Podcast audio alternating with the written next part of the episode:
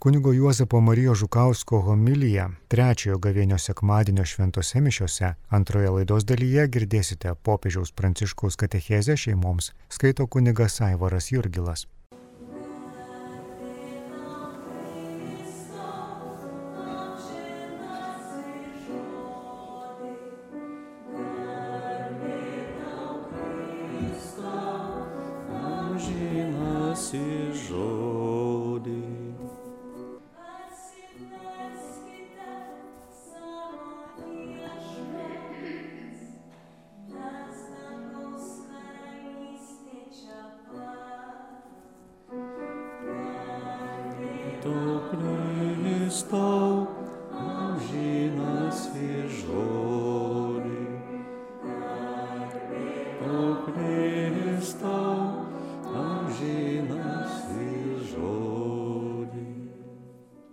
Viešpats su jumis.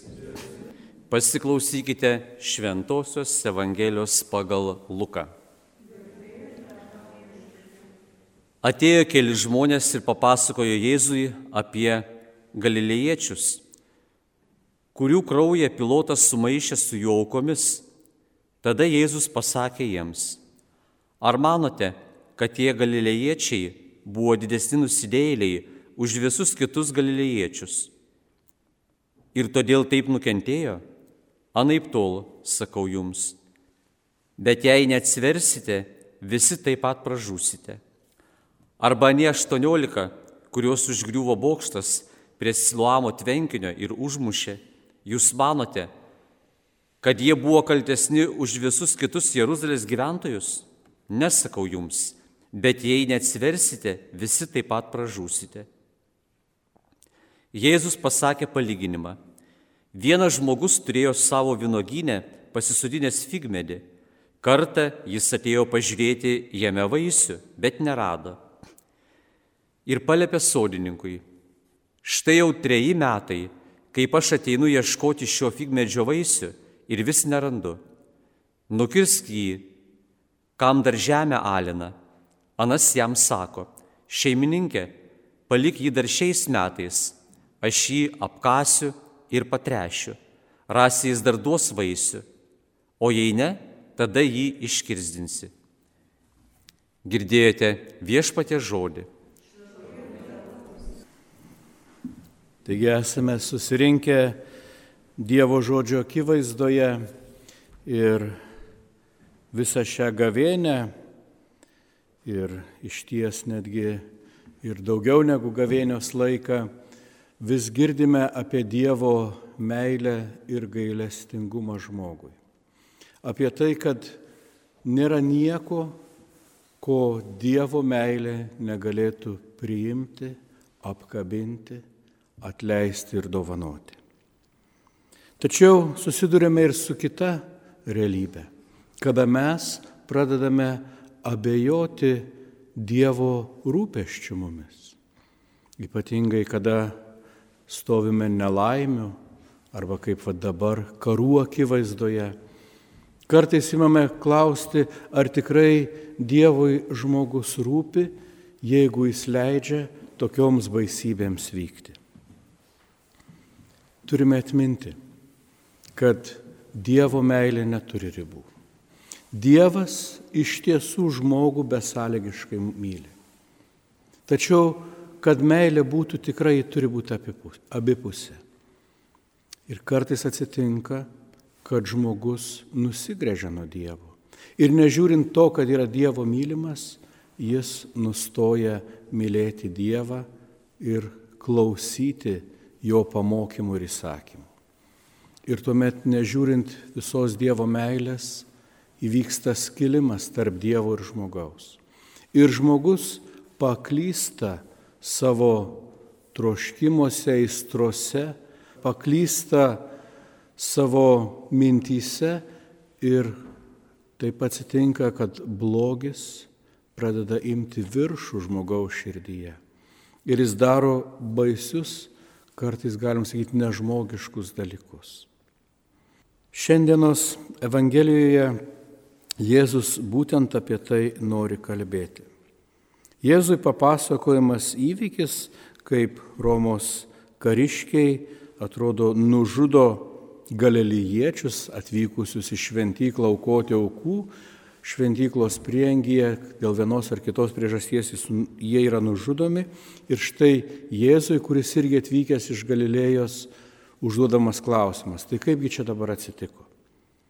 Gal klausė, norėdami išgirsti jo nuomonę, gal norėdami išprovokuoti, kad jis kažką pasisakytų prieš Romos valdžią, tačiau jis pakreipė tą klausimą kitaip, sakydamas, ar jūs manote, kad tie žmonės buvo didesni nusidėliai už kitus, kad galbūt jų aukos buvo nevertos. Jis primena ir kitą įvykį apie nelaimingą atsitikimą, kada bokštas užgrūna ant atsitiktinių praeivių ir juos nužudo, sako, galvojat, kad jie labiau buvo nusikaltę. Mes irgi galime pasakyti, kad štai ar vienas ar kitas žmogus, kuriam galbūt blogiau sekasi, gal jis yra tikrai didesnis nusidėjėlis. Dabar, kada stebime pabėgėlių antplūdį, ar išdrįstume sakyti, kad ta tauta patyrė tokį dalyką dėl to, kad yra labiau nusidėjusi, arba tie, kurie bėga nuo karo ir žūna pakeliui, yra didesni nusidėliai negu tie, kuriems pavyko. Iš tiesų ne. Iš tiesų Dievas sako, nėra tame didesnės ar mažesnės meilės. Viešpačiui visi mes rūpime. Ir gyvenime tiesiog nutinka įvairiausių dalykų. Teko skaityti netgi tokį paaiškinimą, kad sako, tie, kuriuos viešpats pasėmė, buvo labiau pasiruošę ir tie, kurie išliko gyvi, neturėtų galvoti, kad yra geresni. Sako, Dievas jiems dar duoda laiko atsiversti ir pasiruošti susitikimu su juo. Nežinau, kaip ten yra. Tačiau Jėzus, ką mums nori šiandien pasakyti, kad mes visi savo gyvenimo kelionėje. Neturėtume apgaudinėti savęs, kad esame vienaip ar kitaip geresni. Tiek tiem, kuriems sekasi, tiek tiem, kurie galbūt yra prislėgti vargų, Dievas duoda savų iššūkių. Tas, kuris galbūt yra turtingas ir sveikas, yra kviečiamas pasidalinti savo gerybėmis sustokojančiais ir tapti Dievo dosnumo dalininkais. Tie, kurie vargsta, yra kviečiami pasitikėti viešpačiu ir atverti jo gailestingumui savo širdis. Neužkietinti širdies, kaip dažnai atsitinka prakeikiant aplinkinius arba su pavydu šnekant. Visi turime iššūkių. Ir taip pat ir bažnyčio žmonės Šiandien apaštalas Paulius, rašydamas apie Mozę, sako, žiūrėkit, visi jie buvo keliaujantis per dykumą Dievo tautos vaikai. Jie perėjo jūrą, sekė paskui debesį, visi susirišo su Moze, krikštamiesi debesyje ir jūroje. Visi valgė to paties dvasinio maisto ir visi gėrė iš tos pačios dvasinės suolos. Ir vis dėlto dauguma jų nepatiko Dievui ir jų kūnai liko gulėti dykumoje. Lygiai taip pat ir apie valstybę žmonės galima sakyti, visi turi ar pasus ar tapatybės korteles, bet tai dar nepadaro jų gerais ir atsakingais piliečiais. Taip ir bažnyčioje esame pakrikštyti, prie pirmos komunijos sutvirtinti, bet tai nereiškia, kad galime atsipalaiduoti ir sakyti, dabar tegul Dievas darbuojasi. Taip jis yra gailestingas, jis yra mylintis ir kantrus. Bet šiandien palyginime, kurį Jėzus sako, jis kalba apie figmedį, prie kurio ateina šeimininkas pažiūrėti, kokius vaisius jis užmesgė. Ir randa tuščia šakas. Sako, iškirski, kam dar žemė alina.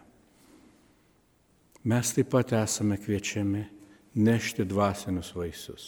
Ne tik būti maitinami Dievo žodžiu, Kristaus kūnu, pripildyti širdį šlovinimo ir džiaugsmo gesmių, bet atrasti būdų, kaip pamatyti savo brolį ir sesę, kaip ištiesti jam pagalbos ranką rasti gerą žodį, rasti laiko išklausyti, paguosti, apkabinti.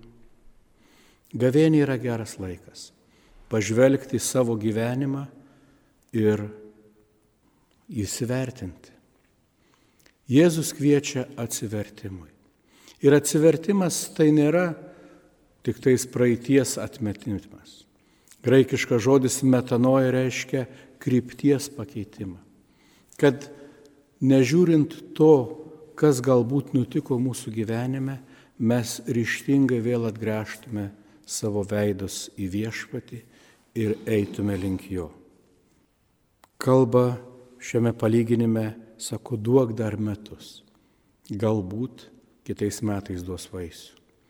Ir mes nei vienas nežinome. Galbūt tikrai pažodžiui ši gavėnė kažkam gali būti paskutinė. Ir galbūt metų bėgėje teks stoti Dievo akivaizdon ir duoti apyskaitą už savo gyvenimą, už savo nuveiktus darbus. Prašykime Dievą stiprybės, prašykime išminties, kad tuos didžiulius dvasios turtus, kuriuos esame sukaupę, kad tos dovanas ir talentus, kuriuos esame gavę iš Dievo, išmintingai panaudotume. Artimo tarnystėj, Dievo karalystėj statyti, meiliai teisingumui puoselėti. Tegul viešpats būna mūsų pagalba ir stiprybė šiame kelyje, kad atėjus metui mes duotume vaisių ir galėtume džiaugtis ir dėkoti Dievui, kad nugyvenome gražų, įdomų, pilną gyvenimą kartu su viešpačiu ir kartu su broliais ir seserimis, kuriuos turėjome kaip savo gyvenimo bendra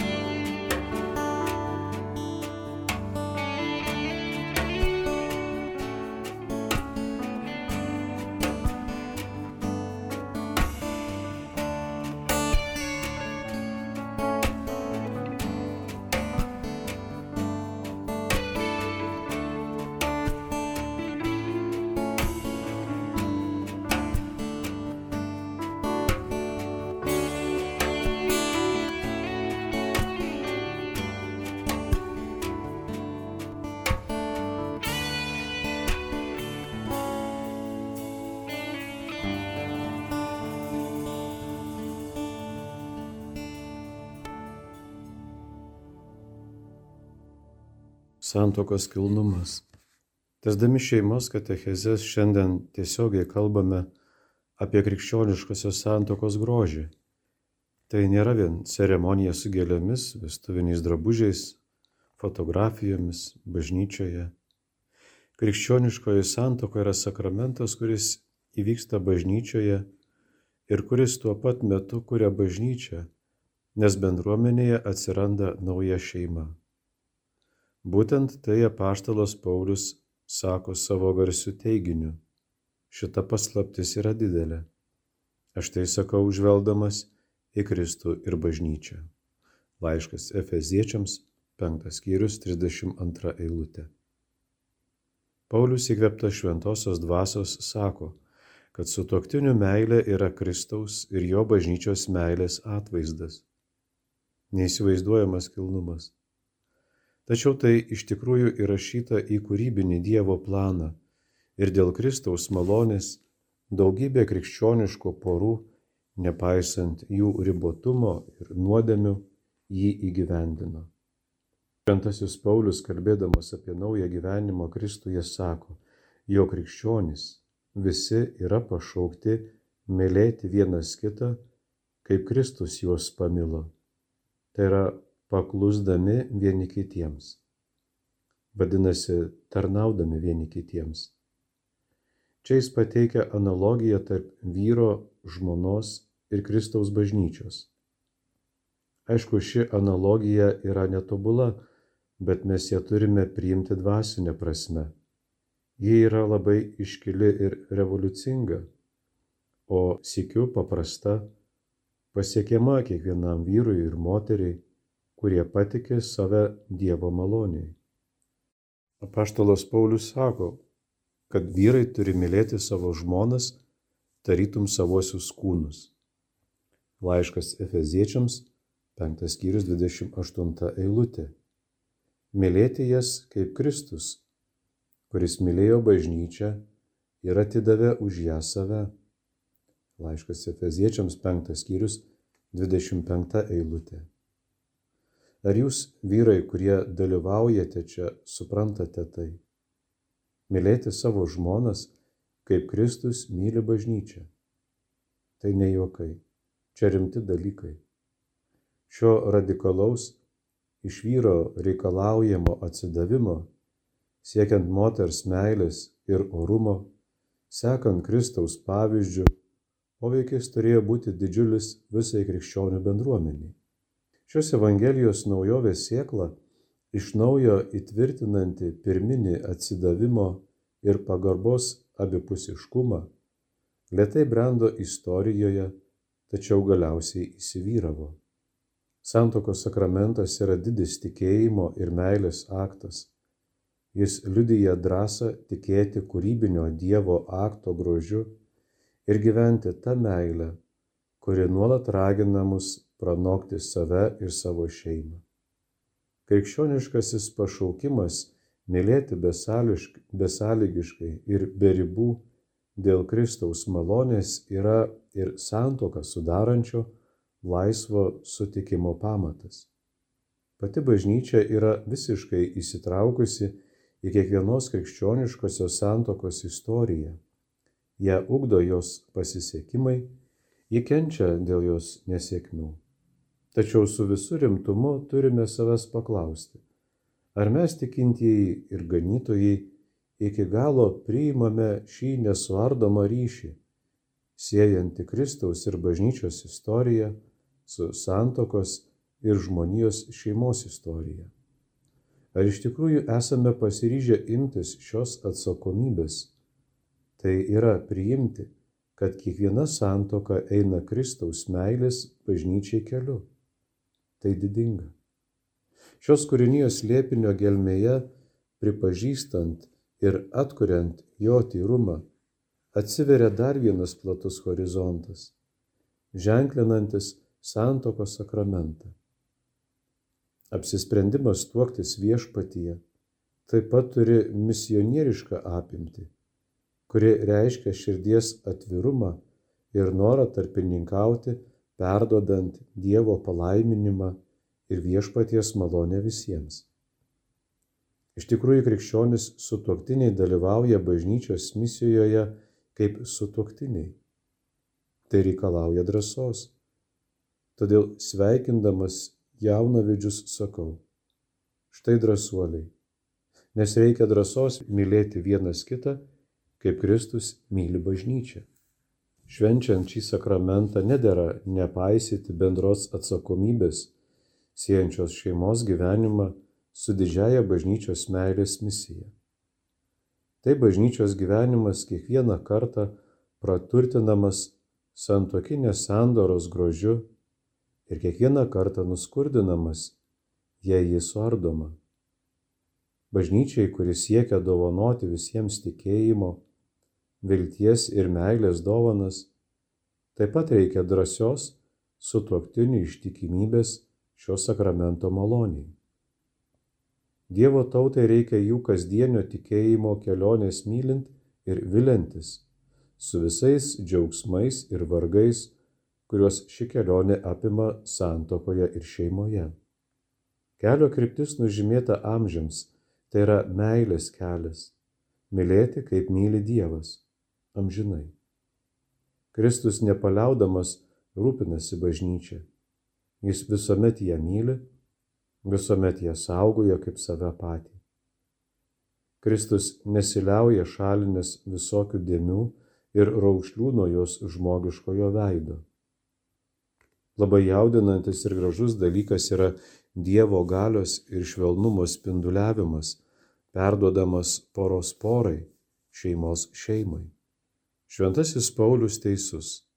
Tai iš tikrųjų didis slėpinys.